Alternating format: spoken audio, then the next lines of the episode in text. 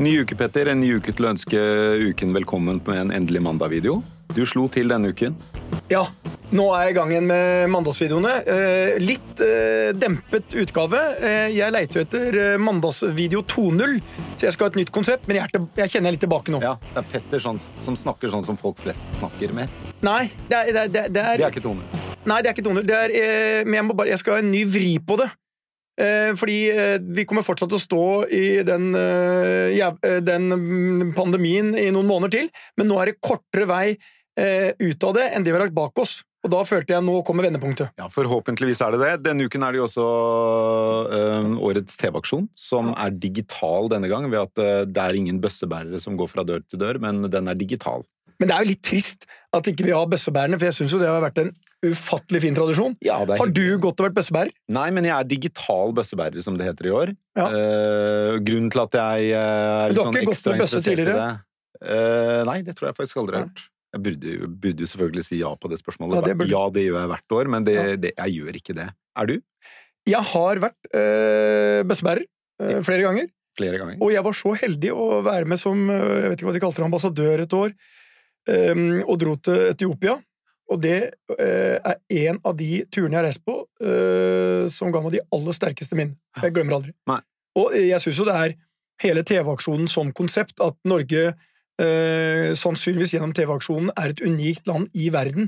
Vi samler inn var det øh, 150-200 millioner, eller på det beste over 200. Ja, det vil jeg tro. Ja. Det blir spennende å se åssen det går med den digitale delen. over det. Men hvordan gjør den digitale Nei, du, delen? det, vi, vi er jo litt stolte av det, vi, da. Fordi Ja. et selskap vi er eh, deleier i, Storm One to One, har jo laget en video som takker alle de digitale bøssebærerne, med en, hvor de får liksom fullt navn, og Robert Stoltenberg og Erna Solberg sier 'takk, Petter', for at Ja. du deltar, og det er gøy.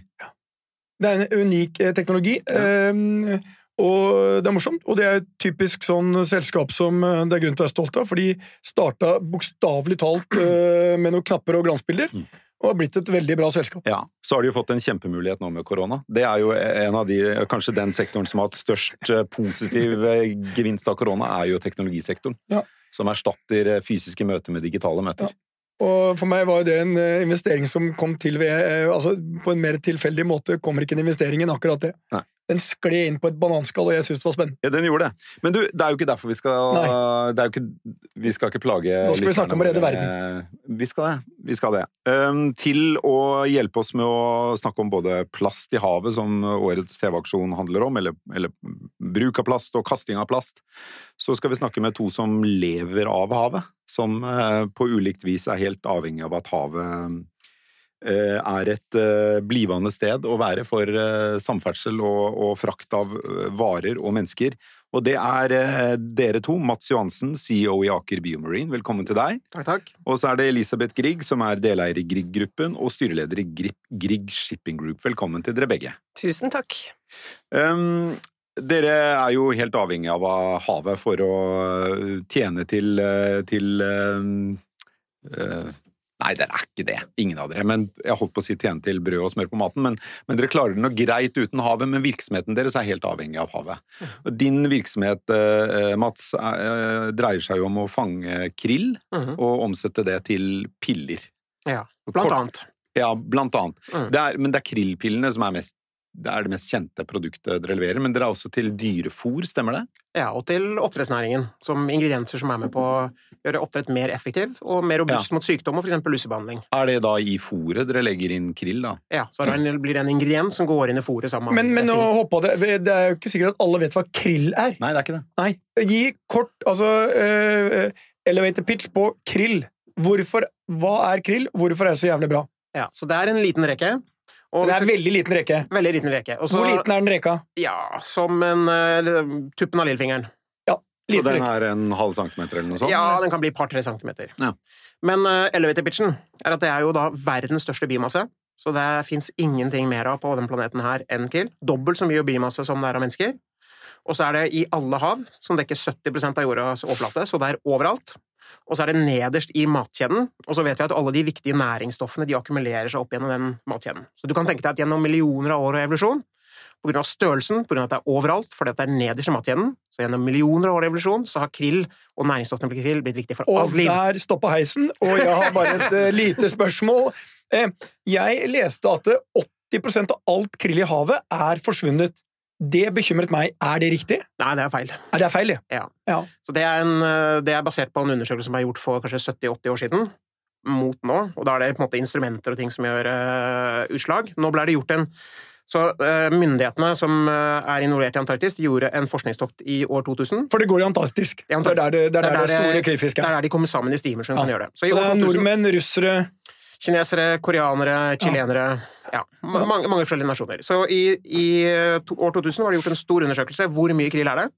Og så ble det gjort en ny en i 2019, og da var det 17% mer krill i løpet av de 20 årene. Så, så krillen er i en eh, veldig god shape. Så krillen den formerer seg raskere enn dere og russerne og kinesere alltid klarer å plukke opp av havet. Ja, og det er jo sånn, krill spiser jo alger, og dessverre, så når, når det er global warming, blir varmere i havet, Mer, eh, mer alger, mer mer, mat, Ja. mer krill. Det er kanskje et dumt spørsmål, men hvis, hvis du sier krill er nederst i næringskjeden, men krill spiser alger, er ikke da alger nederst i næringskjeden? Ja, så det er godt an å fange det på en god måte. Ja. Så det er egentlig Nesten nederst. Du kan jobbe deg langt ned, så krill er nesten, ned, nesten nederst i Mm. den eh, næringskjeden. Mm. Ok. Um, oppdrettsnæringen, som eh, krill annet brukes som bestanddel i fôret til, uh, lever jo du svært godt av, Elisabeth. Uh, hvordan går det med oppdrettsnæringen nå?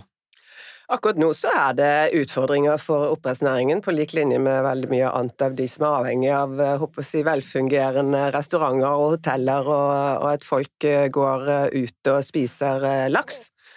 Eh, Men det er klart at vi selger mer til butikkene, så eh, konsumet av laks har faktisk gått opp blant folk flest. Men det, det kompenserer ikke for det store tappet det har vært at, eh, at restaurantbransjen Ja. og hotellbransjen ligger nede. Ok, Ok, Så når vi Mm. ikke lenger går ut og spiser sushi, så er eh, fallet i omsetningen på den type restauranter større enn det vi, spiser Ja. av laks Men så kan vi jo håpe at når, når pandemien er bak oss, og jeg håper at Petter har rett, at det er eh, bare noen måneder down the road, eh, så forblir det det faktum at vi folk flest spiser mer laks enn vi gjorde før Mm. pandemien kom. Og dermed så, så har vi et økt eh, volum som vi kan se foran oss. Eh, Oppdrettsnæringen er jo også en næring som er eh, kritisert og, og eh, er vesentlig mer enn krillnæringen, som er en litt mindre næring. Men oppdrettsnæringen er jo Norge en stor nasjon i, og da har en omstridt produksjon av denne laksen. Har du kjent på noe dårlig samvittighet for at eh, ditt konsern, der du er deleier, eh, er med på å true eh, livet i norske fjorder og, og utslipp og leppefisk som er, eh, kjøpes i milliarder for å spise lusen på denne stakkars oppdrettslaksen og så dør etter en uke eller to. Kjenner du på et, et, snev av dårlig samvittighet? Ikke dårlig samvittighet. Jeg, jeg kjenner på det at det vi driver med i Grieg-gruppen, det er knyttet til havet. Både på shipping og transport og på og sjømatsiden. Slik at eh, det faktum at det er utfordringer i begge de to industriene som er med på å sette et, eh, et avtrykk i havet som ikke er bra nok, det betyr at vi må jobbe stenhardt hver eneste dag for å sørge for at vi gjør vårt for at vi klarer å rydde opp i de utfordringene som eh, begge de to industriene har. Så det, det, en ting, det, er, det er en side av oppdrettsnæringen som fascinerer meg, og det er jo denne leppefisken som norske oppdrettsselskaper har eh, kjøpt i ja, gud vet hvor mange milliarder de seneste årene. Og det er en bitte liten fisk som napper lusen av oppdrettslaksen, så vidt jeg skjønner, sånn at luseproblemet i merdene skal bli mindre. Og de eh, leppefiskene har jo et meget, meget kort liv, ofte bare en dag eller to eh, før de dør, og de dør i millioner i merdene. Kjenner du på de etiske betenkelighetene ved det? Altså en av de Jeg vet, nå vet jeg ikke om Grieg Seafood gjør det, men uh, Eh, nei, men En av de, de utfordringene som vi har, er jo tilbake til det at vi, vi har noen løsninger som eh, noen av de er bærekraftige. De er klare for å møte en, en, en grønn fremtid og med de kravene som stilles. Og noen er det ikke i dag. Men det, da hjelper det jo ikke at vi bare slutter i en industri, går ut den, for vi sier at her er det så mange store utfordringer at vi kan ikke være med å løse de. Det er jo mye bedre at vi sier ok, vi har, vi har kompetanse, vi jobber med teknologiutvikling som skal levere gode løsninger i fremtiden, og så er det en spørsmålstegn ved noen av de løsningene vi har i dag. mm. Men er det et spørsmålstegn ved den leppefisken? Bruker dere Grieg Seafood eh, Vi har, leppefisk? vi har absolutt leppefisk som en del av løsningen for oss, men luseproblematikken står høyt på agendaen i hele industrien. Men la oss løfte litt fra leppefisk eh, litt oppover. dere snakker om i, eh, i konsernet deres, eh, det der om det der å- doing good. Og jeg syns jo dere går ganske hardt ut. Eh, Dere setter dere høye mål. Eh, eh, Er dere eh, Er dere villige til å tjene mindre penger eh, fordi dere gjør rett ting? Eh, Eller tror dere at dere kan tjene like mye eller mer penger ved å gjøre rett ting? Eh, Og det er det ene. Og det andre er eh, det, I og med at dere er så Dere, går, dere melder utad målene deres og ambisjonene deres.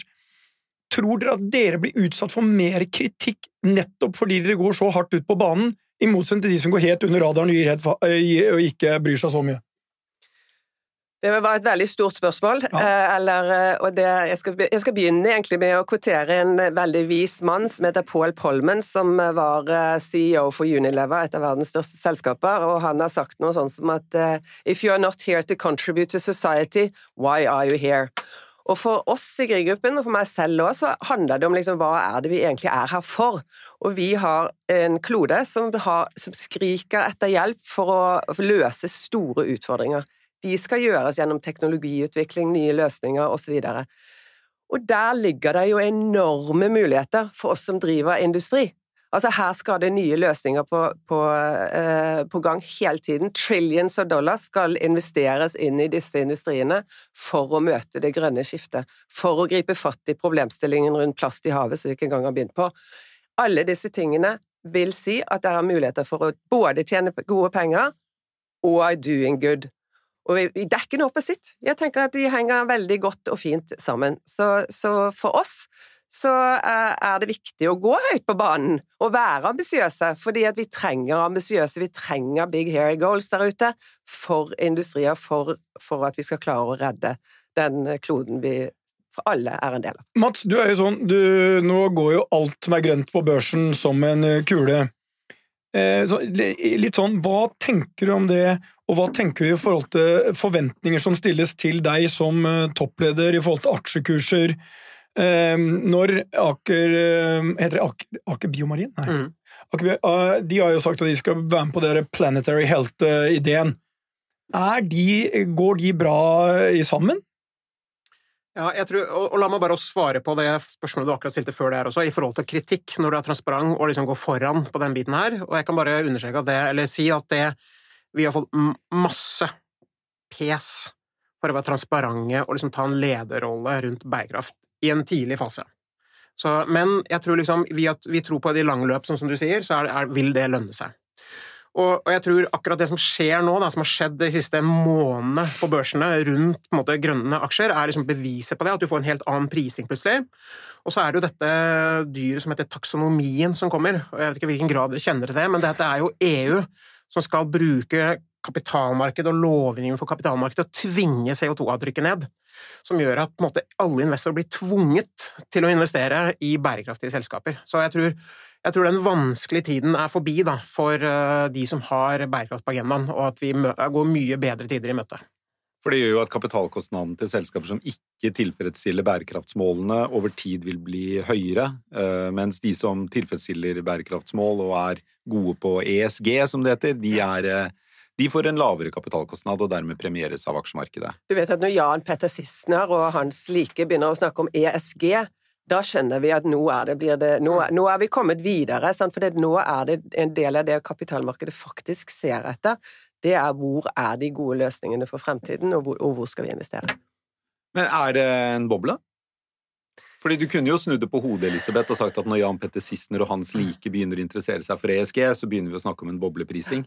Nei, det er jo en eh, Jeg tror ikke det er en boble for fremtiden. det var ikke pent sagt om, eh, om Sissel. Nei, er det noe, Det- det- det- er- men Petter, Var han liksom ble han er det noe penere penere å si når selv Jan Petter Sissener og hans like begynner å interessere seg for ESG? Er det nei, penere? Nei, ingen av delene. Altså, han er en eh, anerkjent, bra investor. Han er ikke her for å Eh, forsvare seg, som Ja, det heter, men poenget er at han er vel ikke kjent for å ta hensyn til ESG i, Hva vet i, vi om det? I det han har kommunisert Det- eh, ja. i media, så er det, Jeg tror er faktisk hans barn presser ganske mye på Ja, eh, for kan at han hende. skal endre syn. Det kan hende, men Ja. ja. poenget ditt er jo, er, jo, er jo det at når eh, den som finansinvestorer begynner å opp, være opptatt av ESG, så har det skjedd noe i markedet.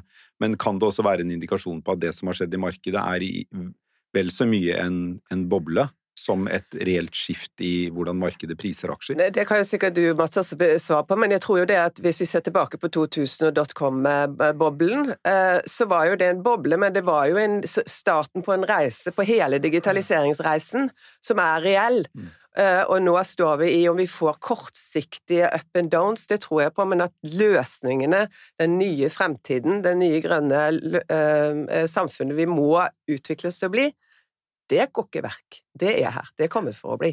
Og så er det jo lovgivning bak det. ikke sant? Igjen, taksonomien tror jeg er noe som har gått alle i Norge hus forbi. hva som blir Du må bare forklare det. Det høres ut som en sånn der, eh, figur som ble oppfunnet i Japan, eh, som skulle ja.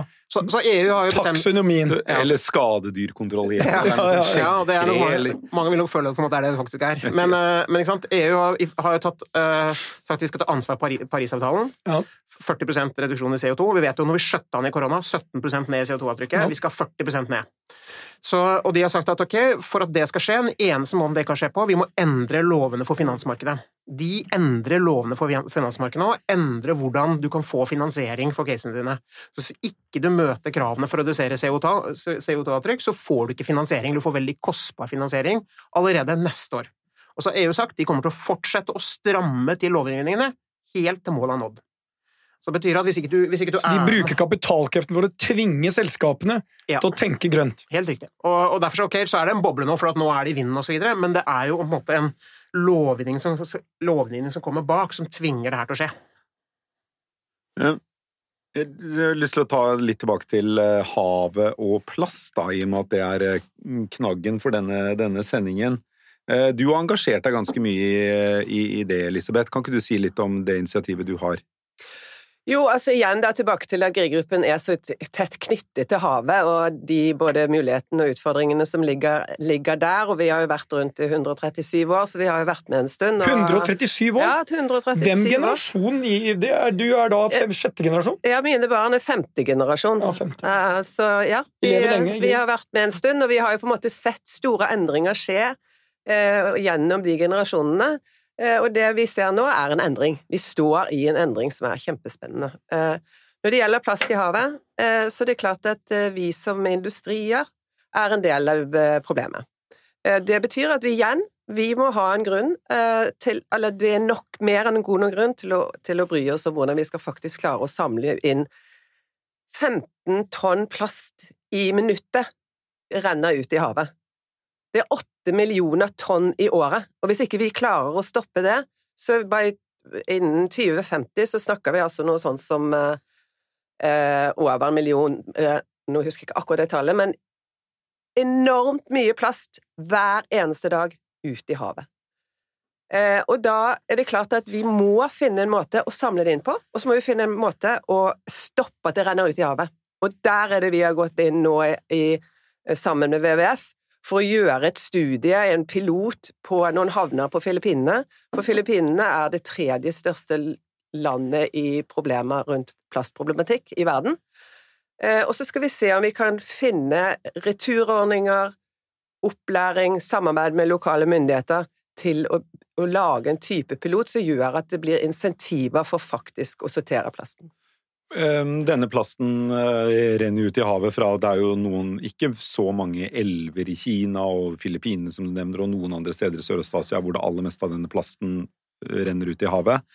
Og så, og så eh, renner den jo videre ut i, fra liksom, de landnære områdene i havet til liksom, det store havet, hvor de har en tendens til å ende opp i sånne enorme samlinger av plast, ofte i mikropartikler som faller og, og, og stiger litt med, med, strømningen i havet, men de, men de, er der ute et sted. Er, er, de i Antarktis? I noen særlig grad? I mye mindre grad, pga. at strømmene kommer liksom opp fra dypet ja. og går eh, nordover. Så mye mindre grad enn det er i andre deler, så er det et mindre problem for oss. Så det er ikke noe dere finner i, i, krillen? Små plastpartikler? Nei, det er noe forskning som viser at man har funnet deler av det, men, men vi ser altså, ikke mikropartikler? Ja. ja. Så, men vi, vi, ser ikke noe men, men problem med det. En, en ting som er ganske interessant, jeg tenkte på det Tenk hvor få år siden det er vi ble bevisst at det var omtrent snart mer plast i havene enn fisk. og tenk hvor enormt eh, liksom, initiativ som er tatt på den fronten på få år, og hvor mye som har skjedd. Altså Fra det blir satt på dagsorden, til vi også i hotellskapet tar en beslutning om at vi skal bli kvitt all engangsplast innen 2020. og vi, liksom, Det er enormt. Da får jeg ordentlig tro på menneskeheten og Parismålene og at vi skal fikse de tingene her. Selv klimaendringene. Altså Bare vi får nok høyt opp på dagsorden. Altså, når eh, Grieg-gruppen også, tror jeg, altså, sa de skulle bli kvitt all engangsplast på skipene og alt annet. Det er kanskje ikke så mange sugerør og plastkopper der. jeg tenker på Ja, men det er ganske mange. Er det Både det? det er plastflasker det er ikke så mange ansatte på de båtene. er det? Nei da, men totalt sett så blir det jo ganske mange. Så, men, i, men iallfall, det er, det Men er hvis mål. for alle gjør Tenk liksom det enorme løftet. Så gi meg bare tro på menneskeheten. Det var bare en liten refleksjon. Nå ser jeg du ser ut som verdens største spørsmålstegn, men da kan du ta den videre herfra. Jeg prøvde å heve det og gi litt tro inn i podkasten. Ja, ja, det, er Når vi snakker om eh, alle utfordringene vi har. det er jo første uken med endelig mandag, så du har jo funnet tilbake til meningen i livet, du, nå som du kan liksom Det er, se det lyst på er fremtiden igjen. mye mer enn det. Ja. Vi må ikke glemme i disse covid-tider at eh, hvis du, det er litt det Mats var innom Nå har jeg sett bilder jeg tror jeg på CNN om liksom hvordan, og jeg har sett de der målingene av eh, luftforurensning i de store byene. Interessant å se at byene forandrer seg Mm. bare fordi bilene er tatt ut, liksom. Mm. Så når, når vi sitter her i eh, Norden og klager på at det blir for mange sykler og for mange elsparkesykler og alt det Nei, nei, nei! Mm. Dette er faktisk bra! Men se hva vi har fått til de siste seks månedene. da. Det er jo helt fabelaktig å se alle de menneskene og alle de selskapene og alle de som har steppet opp og tatt i bruk, eh, eh, tatt i bruk verktøy som vi ikke trodde at vi kunne. Iallfall ikke jeg. Plattformer der ute som er utviklet eh, i løpet av disse seks månedene. Jeg er helt enig med Petter. Det gir jo trua på at vi kan gjøre store endringer ganske raskt når vi bare får eh, Men utfordringen er at vi må gjøre vanvittig mye mer. Ja. Ikke sant? Selv en fullstendig shutdown gikk ikke halvparten engang av det vi trenger å gjøre de neste ni årene. Nei, eh, og, det, og den er jo også forhåpentligvis midlertidig, den situasjonen vi har rundt covid nå. Og, om Det, det er noe de ikke får Selv om er, mye- det, er, det går jo over. Ja, Du må jo håpe folk vil reise til hotellene dine når, når koronaen er over et Ja, det er- det er. Kanskje gi fra deg den troen, og du mister nei, da- igjen. Da er det slutt på endelig mandag-videoene ja. dine. Men dette er jo en midlertidig situasjon, og, og eh, luftkvaliteten i byene har eh, blitt bedre, ja. men Samtidig så har det jo ført til betydelige økonomiske utfordringer, ikke først og fremst for eh, folk her i, i den rike delen av verden, men, men i, i den delen av verden som aller mest trenger det, den, den jobben eh, og, og de lønningene som skal forsvare et godt liv. Og Men jeg for, har- jeg har og, bare- og for de er jo varig satt tilbake av covid. Men jeg har bare et spørsmål til Mats, det, det er mer fordi jeg ikke kan det. Mm. Eh, trålfisk for meg, dere tråler krill, ikke sant? Mm, Svære sånne greier. Og når du sier fisken er så liten, krillen er så liten, mm, altså fra en halv negl og maks to-tre centimeter, Mm. da må du ha veldig eh, små noter etter det. Eller, Mm. eh, sånn. Vil ikke du da subbe med deg enorme mengder av andre ting også? Hvor, hvor du, skal, du må ha noen kjempetråler? Det- Trålnoter? Ja, de er ikke så svære, men øh, det er sinnssyke mengder krill. Ikke sant? Jo, men, en- men det er jo mye annet eh, liv i havet. ja, Men drar ikke du med deg altså Mitt spørsmål er Drar ikke du med deg mye annet Er det eh, av bio- pingviner i noten? Er ja, det- nei, så vi har null bycatch. Og, og det, Hva, hva kaller du det? bifangst. Null? Null, null bifangst. Så det er ikke en pingvin i Antarktis? Ikke, ikke en pingvin. Og, Ingenting annet, bare krill? og alt det rapporteres. Det er en uavhengig observatør som rapporterer alt det. Og grunnen til det er ene at det er ikke så veldig mye annet i havene i Antarktis, der vi fisker. Andre grunnen er at vi har trålen under vann hele tiden, kommer aldri til overflaten med, med krill i. Pumpes fra enden opp. Andre er vi tråler inn en halv knopsfart, veldig, veldig sakte. Og vi har et grid foran nettet som gjør at det er egentlig bare krill som kommer inn i nettet. Ah. Nettopp. For jeg har jo vært i Antarktis, og det var veldig mye annet dyreliv der. Ja, da, på, på overflaten Det er så så, så er det. Petter. Hvorfor det? Har du vært der? Nei, er du gæren? Ingen har jo vært der. Det er det som altså, gjør det til jeg har vært der som en lokal observatør. Ja. Jeg var faktisk, eh, Og jeg var ikke med i Hurtigruta, så det var ikke noe skryt. Nei, jo, det var skryt. Men ing, bycatch det er jo superbra, og det høres ut som en smart uh, løsning. Ja, det er en teknologi som er utvikla for Ja. å faktisk unngå det, da. Ja. For det er et kriterium for å operere i, i Antarktis. Ja. Du, til oppdrettsfiske så, så er det jo en, en viktig grunn til at Norge har lyktes med oppdrettsfiske, er jo fordi vi har gode, varme, lune fjorder hvor oppdrettslaksen trives godt. Um, og nå er det jo mange som eksperimenterer med landbaserte oppdrettsanlegg, eller oppdrettsanlegg langt ute til havet. Store, store merder som er lukkede systemer. Er det noe som truer Norges posisjon innenfor oppdrettslaks over tid? Nei, jeg tror det handler like mye om det som eh, er det maritime clusteret, som eh, består jo av eh, alle de maritime virksomhetene i Norge, som gjør at vi er verdensledende innenfor det, og har vært det gjennom hundrevis av år. Det er den utviklingen som vi ser når vi har et veldig godt ståsted. Vi er med på den utviklingen vi ser nå, vi snakket om det i sted, dette med at, at vi setter fisken ut i vannet senere og senere, slik at den er større og større, før den faktisk skal ut i fjordene. Eh, det gjøres mye, og det forskes mye på forskjellige nye løsninger. Eh, og Norge kommer til å være en, en pådriver på mange av disse løsningene også. Så jeg tror ikke vi bare kan sette oss tilbake og si ja, men fordi at ikke vi kan bruke fjordene på akkurat samme måte som vi har gjort før, så er vi ferdig som uh, sjømatnasjon. Du, Det er tull. Jeg har bare et spørsmål til deg. Av all laks som konsumeres i verden, all laks, hvor stor andel er kontrollert av uh, nordmenn eller norske interesser? Aner ikke. Har du ingen peiling? jo, men jeg tror jo det er en veldig stor andel, vet du det, Mats? Ja, på laks er det nok ganske mye. Er det ikke 70-80 ja. ja, Men laks er en ganske liten andel av den totale oppdretten som er rundt omkring i verden. Oh, ja. så, så, laks er ikke en veldig sånn stor oppdrettsart. Men, eh, reker er vel en av de reker store? Reker er mye større. Ja. Marinfisk og karper og Kina osv. Men, men jeg er faktisk litt bekymra for norsk oppdrettsnæring i forhold til den utviklingen som er. Med tanke på det spørsmålet jeg hadde? Ja, ikke sant? og det er jo tilbake til eh, klimamål, ikke sant. Å fly laks fra Norge til Japan eller til USA mm. kan vi jo ikke gjøre. Nei. Eh, og klart, vårt konkurransefortrinn i Norge Nå har vi utvikla teknologi og blitt flinke, men det var jo fordi vi hadde de fjordene. Hvis du nå kan gjøre det liksom i, i ørkenen ja. i Nevada, rett på markedet, eller i nærheten i Kina eller Japan, så mister jo vi litt den fordelen. Ja, for det var egentlig der jeg jo, men, ønsket jo, å lede jeg, det til òg. Jo, men jeg tenker jo det at det er jo Ja, det, det er riktig. Akkurat som vi i Grieg-gruppen nå etablerer oss eller Grieg Seafood på, på Newfoundland, mm. som er nærmere det amerikanske markedet så tror jeg det er det, det, er det som kommer til å skje. Norge, nordmenn, vi kommer til å flytte etter der hvor på en måte utviklingen er. Men fremdeles så uh, at den styres i, i stor grad, iallfall fra Ja, fordi det er jo liksom, Da Hydro ble startet, så plasserte de jo den første gjødselfabrikken på um Rjukan. Mm. Fordi du klarte ikke å flytte strømmen noe særlig lenger enn fra fjellet og ned til mm. fabrikken. Mm. Du mista all strømmen på veien. Så flytta han ned til, til Notodden, tror jeg, og så flytta han ned til Porsgrunn. Ja. Og så flyttet han ut av Porsgrunn. Da ble det fart i sakene. Og da ble det fart i sakene, ikke sant? Men det handlet jo hele tiden om at du trengte, du trengte nærhet til, rå, til, råvaren strøm, da. Og, og, det samme har det jo vært i stor grad med oppdrettslag, så at du trengte nærhet til de varme fjordene, og det kombinert med clusteret som Norge har innenfor sjømat- og havsektoren, er viktig. Men jeg vil jo tro at den, når den fordelen forsvinner, så er det et sterkt insentiv for mange oppdrettere til å flytte produksjonen nære markedene, som har skjedd i alle andre markeder. Men, men du eier jo fremdeles teknologien. Ja, så, ja, men, men, men sånn, er, betyr det at vi vil se kanskje om en 20-30 år at norske fjorder blir frie for laksemærer? Fordi insentivet er heller å plassere dem nære markedene? Ja, vi har jo et stort marked i Europa, da. Ja. Men hvis det Mats er innom er riktig, og så melde opp et uh, si, uh, Jeg tipper Dubai er et ganske stort mottaker av laks. Mm. Um, så kan de bare ha Ute i ørkenen i Dubai så har de to sånne opp, uh, anlegg på land, og så kjører de bare Det, det er bokstavelig talt kortreist fisk. Mm. Så jeg, jeg, tror at Norge må liksom kjenne sin besøkelsestid nå. Og jeg at Kanskje det blir en dreining fra å produsere biomasse til å ha teknologi.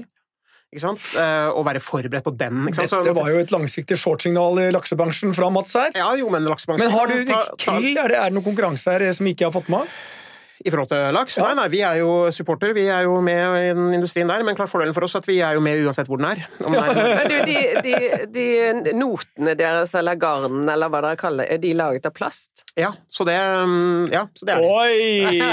Her kom sånn, det et lite Det var et, herlig Nei, nei, nei! nei, nei. Ja, Fra 137 år med Grieg-tradisjon. Det, det, det, det, var en knetakling. Det var en sklitakling. Så jeg så det lyste i øynene på femte generasjon Grieg som bare tenkte 'jeg har vært med her før, din eh, lille jypling'. Patong! Så gikk han ned i plastkrillnota. Ja, men det er gøy. De lages av plast. Ja. Mm. Så, så, vi, vi, Ikke sant? Og, de fins det ikke teknologi for å ikke lage det av plast mm. i dag. Så, Oi, fins ikke? Nei, så clouet der handler om å ta de inn igjen når de er ferdige, ikke sant? og resirkulere og få sirkulær økonomi ut av det. Og, det er noe vi har jobbet veldig mye med. Men kan dere miste noen sånne plastnoter? Ja, men nå plukker vi det opp. Det, det, er veldig dypt, Antarktis, er ikke det? Ja, ikke så dypt. Dypt. Men, eh, men hvis, vi, hvis, vi, mister det, så må vi plukke det opp. Det er liksom del av kravet for å, igjen, for å operere. Så, men, og det som er utfordringen da, rundt plast, da, som vi har bare så vidt vært innom, det er at det er jo et veldig dårlig fungerende økosystem rundt å da ta imot f.eks. den trålen vår og, og, få den tilbake igjen i økonomien. Og vi vet jo at, at Kina for, eksempel, for noen år siden de tok jo 90% av all retur. Men bygger ikke han sjefen din en båt som skal ta seg av sånne ting? Ja, De plukker det opp fra havet, det som Men Skulle ikke han bruke det til å øh, Samle. der, øh, sam, samle og bruke det som fuel eller noe? Ja, det er for de som ikke tar det med seg. Men for oss, da, som tar med trålen tilbake i land, ok, hva gjør du med den da? Hvor, få, hvor, kan du levere den ja, Det er plassen? returordningene som det er mangel på, men vi burde først og fremst gjøre som eh, Vi må få det stoppet, sånn at det kommer ut i havet. Mm. Og da kan vi gjøre som Fred Olsen foreslo for en stund siden her i en kronikk, nemlig at uh, først så burde man bare forby produksjon av plast over natten, for det er mer enn nok plast i verden herfra til evig tid. Ny plast, ny, ny plast, tenker du, så du kan gjøre, ja. bruke gam, Vi bruker gammel, så ja. må vi, og da får du et marked. Ja. Da blir det resirkulering, og da blir det et marked for retur av plast. Men det var fantastisk at det kom fra to kapitalister da eh, og sa at vi skal forby plutselig all produksjon av plast over natten. Ja. Effektivt. Ja, ikke sant? Det er litt sånn som eh, når man vedtok uh, kvinnekvoteringen for børsnoterte norske selskaper. Det tok tolv måneder, gitt. Svenskene holder på fortsatt. Det var en uventet digresjon. Ja, det, det, det, det Jeg så Det var eh, Ja.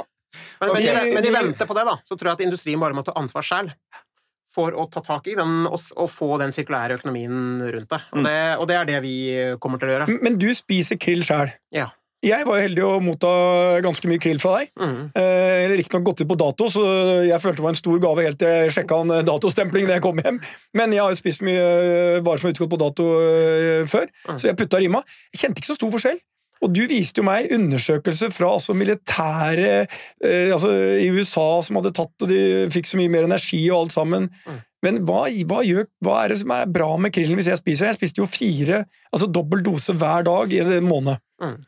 Veldig enkelt forklart, så eh, i cellene dine så har du omega-6 og omega-3. Ja. Omega-6 skrur på immunforsvaret ditt når du har et problem, for eksempel når du trener hardt. Omega-6 skrur på immunforsvaret og fikser musklene dine. Omega-3 skrur den av.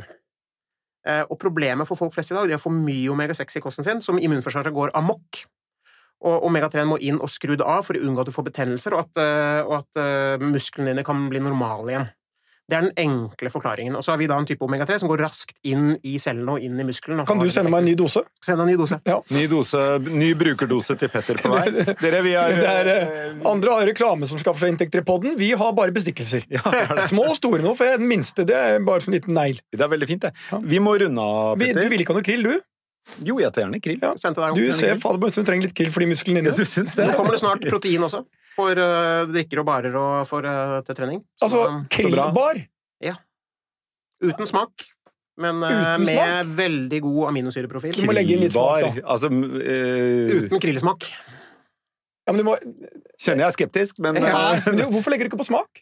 Jo, men ikke på grillsmak. Du vil ikke, du vil ikke at den der sjokoladen Nei, men hvorfor legger du ikke på du, du, du, må jo legge på litt sånn uh, Nei, men Så det er sjokolade og ja, ja. litt nøtter og sånn, ja, og så har du krill oppi. Ja. Men du, før dere runder av, skal ikke vi si ett ord til om TV-aksjonen, som skal være på, som er As We Speak, og alle rundt dette bordet burde iallfall være digitale bøsseinnsamlere. Uh, Kom igjen, du har din uh, elevator pitch på TV-aksjonen, og du starter her! Ja når det gjelder WWF, som er et fantastisk organisasjon, som er global, og de store plastikkproblemene foregår ikke rundt Norgekysten. Den foregår i Sørøst-Asia i stor grad, og i store havner der, og, den, og, de har satt i gang masse store prosjekter, viktige prosjekter, som, som gjør at forhåpentligvis livet til de menneskene som bor i disse områdene skal bli mye bedre. Og vi får komme videre for å få bukt på denne plastikkproblematikken i havet, som er et stort problem. Det kom fra Elisabeth Grieg, som er altså kåret av Kapital til en av de mektigste kvinnene i Norge i en årrekke. Tusen takk skal dere ha for at dere kom i studio, Elisabeth Grieg og Mats Johansen. Vi høres igjen neste uke, Petter. Det gjør vi.